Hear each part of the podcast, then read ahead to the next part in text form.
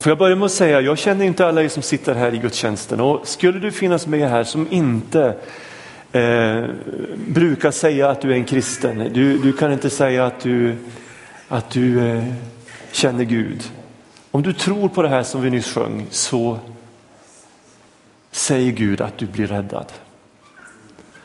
Jesus har gjort det som behövs för att du ska kunna ta emot honom och få en gemenskap med Gud. Ehm, det som vi hörde att Linda och eh, Tony arbetar för, det vi arbetar för att människor ska lära känna Jesus. Och när hon berättade att en miljon människor har blivit frälsta så applåderade Ebba. Hon var den enda som fattade storheten i detta fantastiska budskap. Um, ni hörde också i, i eh, Lovisas eh, vittnesbörd här att, att det blir inte som man har tänkt. Det blir aldrig som man har tänkt. Eh, och det gäller i stort och det gäller i smått och det gäller min predikan idag. Den blev verkligen inte vad jag hade tänkt. Jag skulle predika över temat Ge som Jesus. Och jag hade tankar kring hur detta skulle gå till. Men när jag satte mig och förberedde mig igår så blev det faktiskt något helt annat. Istället för att tala om att vi ska göra oss tillgängliga för människor i ett generöst liv och ett givande så kommer den här predikan att handla om att vara tillgänglig för Gud. En predikan om genomskinlighet och äkthet. Och jag vill läsa ett bibelord ifrån Matteus, det sjunde kapitlet. Och ni vet, det är ju så här med Bibeln att vissa bibelord, de söker man sig gärna till. De älskar man att läsa och de lär man sig utan till och de citerar man när man mår dåligt och den, de, de peppar man sig med när man behöver kraft. Och en del bibelord de bara backar man inför och undviker och, och det här är ett sådant bibelord. Så här säger Jesus, inte alla som säger Herre, Herre till mig ska komma in i himmelriket. Utan bara de som gör min himmelske faders vilja. På den dagen ska många säga till mig, Herre, Herre, har vi inte profeterat i ditt namn och drivit ut demoner i ditt namn och gjort många underverk i ditt namn. Då ska jag säga dem som det är. Jag känner er inte. Försvinn härifrån, ni ondskans hantlangare.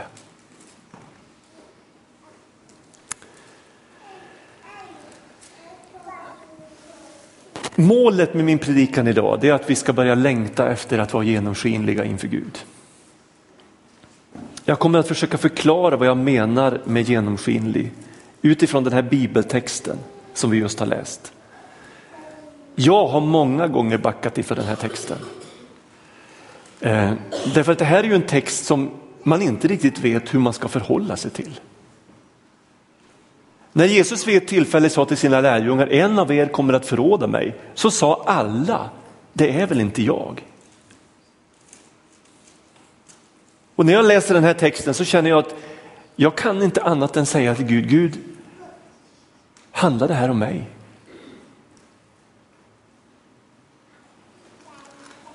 Och det är ju inte speciellt behagligt att ställas inför en sån här text som på något sätt jag kan nästan tycka att Jesus är hård. Jag kan tycka att han är, att han är orättvis, att, att, han är, att han är dömande. Jesus stänger ute intet ont anande människor som har gjort sitt bästa och så kallar han dem laglösa och så kallar han dem ondskans hantlangare. Och det har tagit tid för mig att, att liksom orka tränga in i den här texten och, och, och, och låta den träffa mig. Men långsamt så tycker jag att, att texten har, har, öppnats och jag tycker att jag ser på den med, med andra ögon idag. Eh, det är ju helt klart att de människor som, som, som eh, tilltalas i den här texten blir överraskade och chockade när de inte blir insläppta i himmelriket. De säger ungefär så här, men det här måste ju vara ett misstag. Vi har ju använt ditt namn och tjänat i din kraft. Massa saker har hänt i spåren av vår tjänst. Du kan inte stänga oss ute. Och de hänvisar till sina gärningar. De säger vi har profeterat, vi har gjort under, vi har befriat människor, vi har använt ditt namn. Kanske är det så här att de här människorna helt och hållet har förlitat sig på sina gärningar. I tron att det skulle liksom räcka för att komma in i Guds rike. Paulus skriver så här, av nåd är ni frälsta genom tron. Inte av er själva. Guds gåva är det, det beror inte på gärningar, för ingen ska kunna berömma sig. Förhoppningsvis är det så att, att Gud en dag kommer att berömma dig för det du har gjort, men själv kan du aldrig åberopa dina gärningar inför Gud. Du kan aldrig liksom vila på dina prestationer. Det finns bara en grund som håller och det var den grunden vi sjöng om i de här sångerna innan predikan. Det är en som har dött. Det är en som har gjort jobbet. Det är en som, som, bara en som kan säga det är fullbordat. Och det är Jesus. Det finns bara en grund som håller att bygga sitt liv på och den grunden är redan lagd. Tron på Jesu död och uppståndelse som har försonat din synd, min synd, som har besegrat den onde, brutit dödens udd, öppnat vägen ända fram till Guds tron. Det är bara Jesus som kan rädda dig och mig den dagen vi står inför Guds tron. Något annat finns inte. Den som tror ska räddas. Och det är nåd alltsammans. Om vi tittar tidigare i texten så blir det lite mer komplicerat därför att det står att de här människorna som nu ja, Jesus syftar på i den, här, i den här undervisningen, de är utklädda. De har alltså ett yttre skal men de har ingen verklig, inget verkligt liv inuti. Deras liv, deras tro, deras tjänst bottnar inte i, i sanningen. De är framträdande kristna men de har inget genuint liv. Det är människor som har intalat sig, åtminstone försökt intala sig att allt är okej, okay, men deras liv behagar inte Gud. De är i själva verket främlingar för Gud. Den Gud som har gått i döden för dem. Jag läste i en amerikansk undersökning i en bok skriven av John Ortberg där, han, där man i den här undersökningen hade frågat kristna människor om de trodde att en rad namngivna kända personer skulle komma till himlen. Och en av dem som fanns med på listan var Moder Teresa. Och hon kom näst högst i den här undersökningen. 79 procent av de tillfrågade trodde att Moder Teresa skulle komma till himlen. Det fanns faktiskt bara en eh, som kom högre än Moder Teresa. En enskild person som gavs 87 procents chans att få ta emot Guds välsignelse och komma in i Guds eviga rike. Gissa vem det var? Förlåt?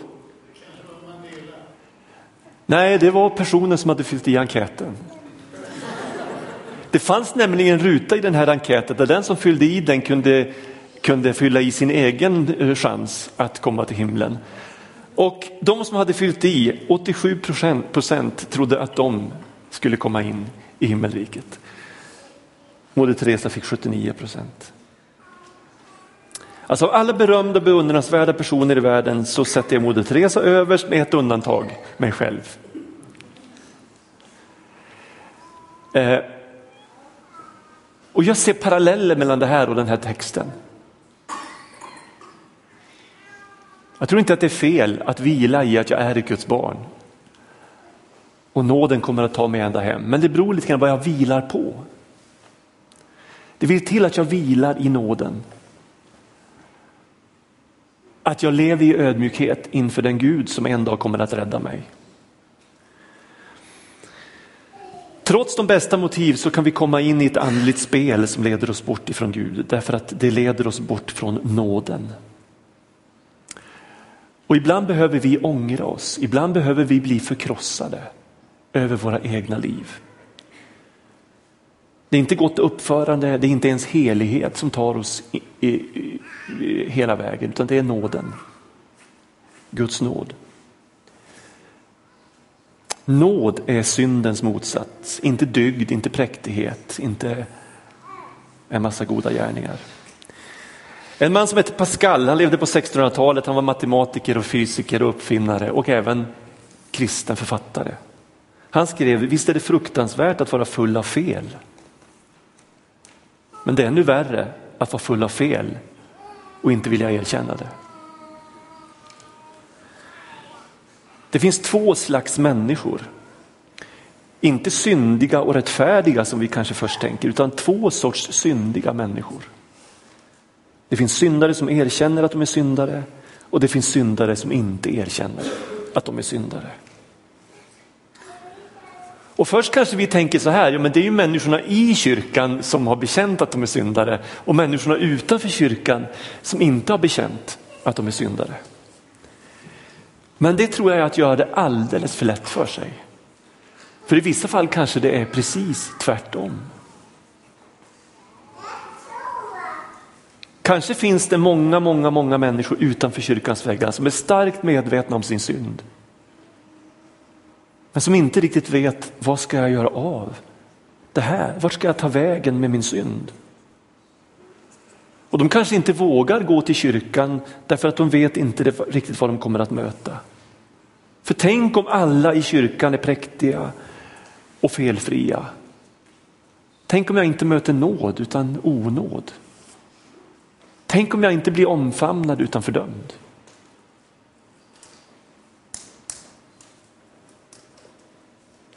Är jag helt ute och cyklar när jag säger det här? När jag läste Matte, Lukas 15 om de två förlorade sönerna, när Jesus berättar den liknelsen, så får jag bekräftat från Jesu egna ord att det jag nyss sagt är en uppenbar risk. Därför att det talas nämligen av en av dem som är utanför. Som har levt, förslösat sitt liv i sus och dus, tappat allt, har ingenting kvar. Annat än en längtan efter Gud. Som börjar en vandring hem, som förbereder böner, som inte tycker sig vara värdig och som får möta en öppen famn och så börjar festen. Men så har vi en hemmavarande son som tycker det här är helt uppåt väggarna och som är trött och besviken och kanske till och med lite bitter. Vilken av sönerna visade den djupaste ångern? Vilken av sönerna var det som bekände sin synd? Vilken av sönerna formulerade böner från sitt gråtande hjärta? Vilken av sönerna längtade efter far och efter hemmet. Varför är det så viktigt att vara genomskinlig? Jag tror att det är viktigt för att vi som har fått förtroendet att berätta de goda nyheterna inte ska stänga dörren för alla dessa hemvändande söner och döttrar som hungrar, som längtar, som är fattiga, som är tomma. Ska vi kunna berätta de goda nyheterna så måste vi vara genomskinliga. Och här tangerar jag dagens tema. Ska vi kunna ge som Jesus så behöver vi vara äkta och sanna och genomskinliga.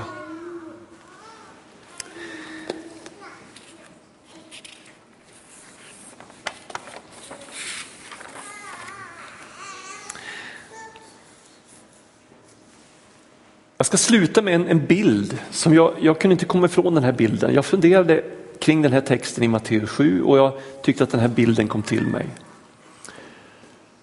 Och försök att hänga med nu. Tänk dig att du har ett sovrum som är väldigt exponerat för solen. Så när du drar upp din rullgardin så lyser solen in. Ehm. Och ni vet vad som händer när solen lyser in i sovrummet. Det ser inte rent ut. Du ser dammet som flyger på golvet och du ser liksom hur det liksom är, det är liksom damm i hela, i, hela, i hela rummet. Om vi nu tar det här som en bild. Du ser solen som din domare. Och du försöker städa tills solen inte avslöjar någonting i ditt sovrum. Jag vågar säga, du kommer aldrig, aldrig att lyckas. Hur mycket du än städar. Tänk dig istället att du drar ner rullgardinen, du sätter dig i mörkret, du bryr dig varken om solen eller hur det ser ut i rummet. Och så ser du det som lösningen på ditt liv. Ett annat alternativ är att du drar ner rullgardinen och så går du ut och möter solen där ute för att sen gå in i mörkret där inne. Solen är din vän ute men solen är inte din vän inne. Men så finns ett alternativ, att du hittar en rutin för städning som är rimlig. Och så låter du solen bli din vän, både ute och inne. Och jag tyckte att det där sista förhållningssättet till livet och till Gud visar på en, ett försonat tillstånd. Jag älskar Gud, men jag inser att hur mycket jag än städar i mitt liv så kommer jag aldrig att kunna städa så mycket att jag inte behöver hans nåd. Och jag tror att Gud vill att vi ska leva på det sättet. Vi ska vara noggranna, vi ska göra så gott vi kan. Men vi ska tillåta oss att njuta av solen ute och vi ska njuta av solen inne. Och vi ska leva i ett försonat tillstånd där nåden är själva plattformen som jag lever på. Och då behöver jag inte gömma undan någonting. Jag behöver inte dra ner rullgardinen för att ingen ska se hur dammigt det är på mitt rum. Utan jag kan låta solen skina och jag kan vila vid att det duger. För att jag vilar i hans nåd och jag älskar honom. Och jag har ingen annan önskan än att göra det som är rätt. Och när jag gång på gång gör fel, vilket vi människor gör, så får jag komma till honom utan att gömma mig. Och jag får vara öppen och ärlig inför människor och säga att jag är inte bättre än så här. Men jag älskar Gud och jag vill tjäna honom. Då tror jag att vi kan ge som Jesus gav. När du och jag är genomskinliga.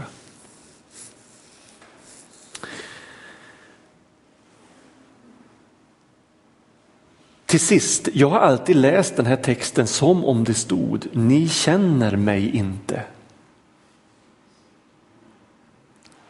Men det står faktiskt inte så. Utan det står att jag känner inte er. Det vill säga, ni har inte låtit mig komma er in på livet. Ni har inte låtit mig lära känna ert verkliga jag. Ni har inte släppt in mig. Ni har inte älskat mig. Jag känner er inte. Och när jag såg det här i texten så upplevde jag att det var ingen dom över Jesu ord utan en sorg. Jag känner er inte. Ni har inte visat mig vilka ni verkligen är. Kom till mig, säger Jesus. Lägg av er maskerna. Kom som ni är. Så är ni välkomna. Och det är mitt budskap idag. Att Gud välkomnar dig som du är. Du behöver inte bli bättre för att komma till honom. Du behöver inte ens bli bättre för att bli döpt i den här dopasängen. Utan den är själva porten in i Guds rike. Vi får komma som vi är. Vi får komma på nådens grund. Vi får säga, jag är inte bättre än så här Gud. Men jag kommer i tro på att du har gjort det som krävs för att jag ska få ta emot dig i mitt liv. Och när du blir döpt i den här bassängen så är det som att få lägga av sig en ryggsäck. Det är som att få börja om från början. Men på en helt, med helt nya förutsättningar. Så skulle du bestämma dig för att följa Jesus, skulle du vilja bli döpt så ta kontakt med mig efteråt. Så eh, döper jag dig gärna om du bekänner att du tror på Jesus, om du vill att han ska förvandla ditt liv och du vill tjäna honom med de gåvor han har gett dig. Amen. Tack Gud för att du är här. Tack för att du känner alla som sitter i den här gudstjänsten och tack att du älskar oss mycket mer än vad vi någonsin kommer att kunna förstå. Din kärlek är högre och djupare och längre och bredare än vad vi kommer att kunna utforska under ett helt liv. Tack att du bjuder oss att komma in i den kärleken. Att ställa våra fötter på nådens grund. Att bli fria människor som inte behöver gömma sig, inte behöver kamouflera utan bara kan vara ärliga, sanna och genomskinliga i din kärlek och nåd. Tack att du är här just nu. Och tack att du, du hör våra tysta böner. Du hör våra tankar. Du känner oss. Jag skulle vilja fråga, om vi, när vi är i bön så här, behåll ditt huvud böjt i bön. Så vill jag fråga om det är någon som vill ta emot Jesus i sitt liv. Och det är faktiskt inte svårare än så än att säga ja tack, jag vill ta emot din nåd till frälsning. Finns det någon i lilla salen så lyft din hand så ska jag be för dig. Någon här i mittpartiet, lyft din hand så ska jag be tillsammans med dig. Fönsterpartiet.